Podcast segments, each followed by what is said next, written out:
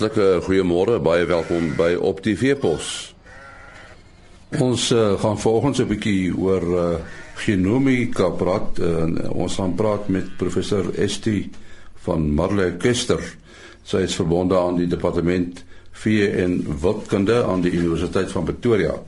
Uh, Esti, wat presies is genomika? 'n baie eenvoudige manier om miskien te sê is genomika daardie volledige genetiese komplement van die dier. So dit beteken dit sluit in die kromosome waarop die gene gelees en natuurlik die klein stukkies DNA wat ons nou na verwys as die strukturele komponente en natuurlik hierdie DNA dra die kodes vir al die funksionele uh, uitdrukking van al die eienskappe wat ons in ons plaasvee en ook in mense waarneem. Dit is 'n redelike jong wetenskap, nee genomika. Ons praat van omtrent so 10-15 jaar se ontwikkeling en die groot rede hoekom ons nou so baie inligting rondom die genoom het is maar as gevolg van die mense genoom wat heel eerste gekarteer is en daarna het beeste, skape, bokke ook gevolg. En hierdie genoom inligting is nou vir ons van geweldige waarde want nou kan ons vir die eerste keer 'n indruk kry van die genetiese effekte en dit uit die aard van die saak gee uh, gebruik om vir beter aanduiding te kry van die eienskappe wat ons meet want dit is natuurlik nou na verwys as die fenotipe. En as uh, hierdie meetproses nou aan die gang is, is dit 'n moeilike proses? Die ehm um, meetproses wat ons op die plaas doen, dit is wat ons almal goed mee bekend is, dis van ons diere aantekening doen en diere weeg. Aan die ander kant waar ons genomiese data versamel, dan stuur die boer 'n haarmonster of 'n bloedmonster, semenmonster of 'n weefselmonstertjie na die laboratorium en daar word 'n DNA ekstraksie gedoen wat gevolg word deur dan 'n hoë deurset genetiese analise dit uit die aard van die saak smeer 'n ingewikkelde proses en ook 'n taamlike duur proses. En uh die uiteindelike doel is natuurlik om om om die uh die kudde, die nasionale kudde te verbeter.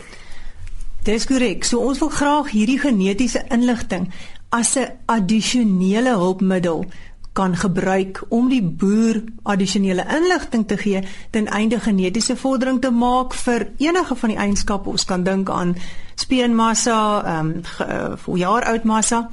Die groot ding wat ons moet onthou rondom die gen genomiese inligting is die grootste potensiaal is hier vir ons gebed in die eienskappe wat ons moeilik meet.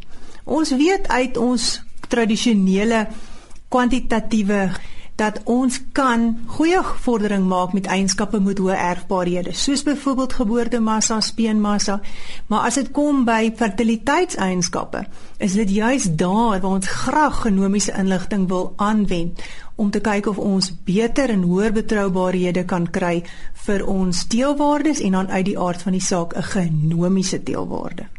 En jy gebruik nou die woord teelwaarde. Teelwaarde was in 'n stadium nou eintlik die inwoord. Dit speel nog 'n rol. Dit speel beslis nog 'n rol. Ons boere kan onder geen omstandighede ophou om fenotipe inligting te versamel. Dit wil sê ons metings wat ons daagliks op die plaas neem nie, dit moet nog steeds gebeur.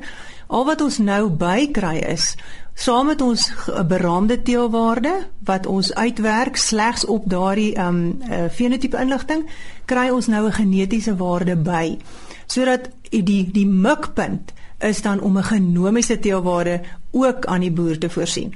So dit gaan vir ons 'n meer akkurate manier gee om te selekteer vir juis daardie skaars fenotipes. Ja, dit is 'n gewellige opwindende projek. Hoe gaan die projek uitgerol word uh, na al die boere in die land? Op die huidige oomblik het die Technological Innovation Agency of TIA 'n uh, projek befonds wat bekend staan as die Bovine Genomic Program.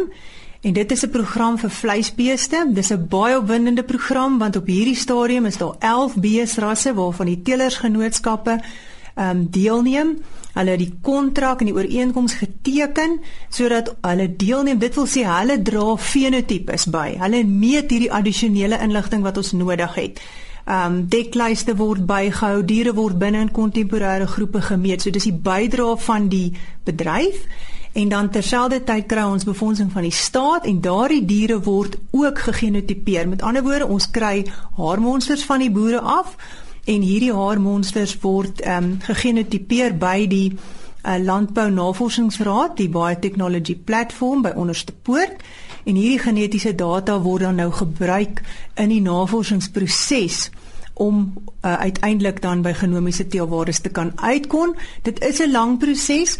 Ons praat van ten minste 'n uh, 3 jaar periode vir uh, voorlopige bevindinge en oor 'n totaal as ons goed kan presteer in die eerste 3 jaar is daar moontlikheid vir verdere befondsing vir 'n 10 jaar projek. Het ons die kapasiteit om al hierdie dinge te doen? Ons is in 'n redelike goeie posisie in terme van ons veekundiges wat beskikbaar is in Suid-Afrika. Ons het 'n uh, eh, deelname van 4 universiteite op hierdie stadium in hierdie projek. Universiteit van Stellenbosch, Vrystaat, Pretoria en uh, um, Universiteit van Natal is betrokke, Universiteit van uh, Fort Hare waar al die teelingkundiges bymekaar kom om um, hierdie navorsing te dryf ook in samewerking met die Landbou Navorsingsraad. En uh die boere, die gaan natuurlik nou meer werk uh, deur hulle teelersgenootskappe. Dis korrek. Ehm um, daar is vir hulle verteenwoordiging op hierdie projekkomitee van die uh, Bovine Genomics program en hulle het dan daar deur middel van hulle genootskap uh of deur SA stamboek of deur die LRF um, of breedplan het hulle sitting op die komitee wat dan as hulle stem dien om seker te maak dat um, ons op die regte pad bly met die navorsing. En en wat is die vroeë aanduidings? Is die boere opgewonde daaroor?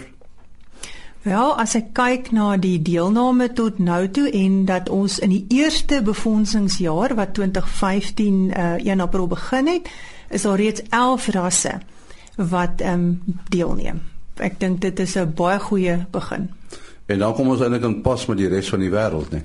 Dis korrek. En ons in in hierdie proses van ehm um, uh, genomiese teelwaardes is ons eerste stap hierdie genotipering moet ek dalk net sê uh, ons bou wat ons noem 'n verwysingspopulasie.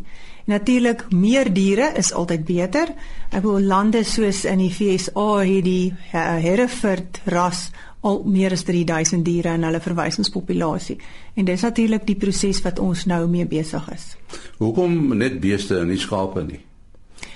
Nee, die skape is nie uitgesluit nie en ehm um, daar kan jy gerus gesels met ons kollegas by Universiteit van Stellenbosch want hulle neem daar die leiding vir die skaapgenomiese program. Nou, uh wat sou die volgende stap wees? Is dit nou maar 'n proses wat wat gemonitor word en wat voortgaan? In hierdie uh, uh volgende 3 jaar is daar uh, spesifieke navorsingsprojekte wat gelys is en wat verskillende navorsers by verskillende universiteite aan deelneem. En die doel dan is om die genomiese inligting te ontleed nie net vir die doel vir genomiese teelwaardes nie.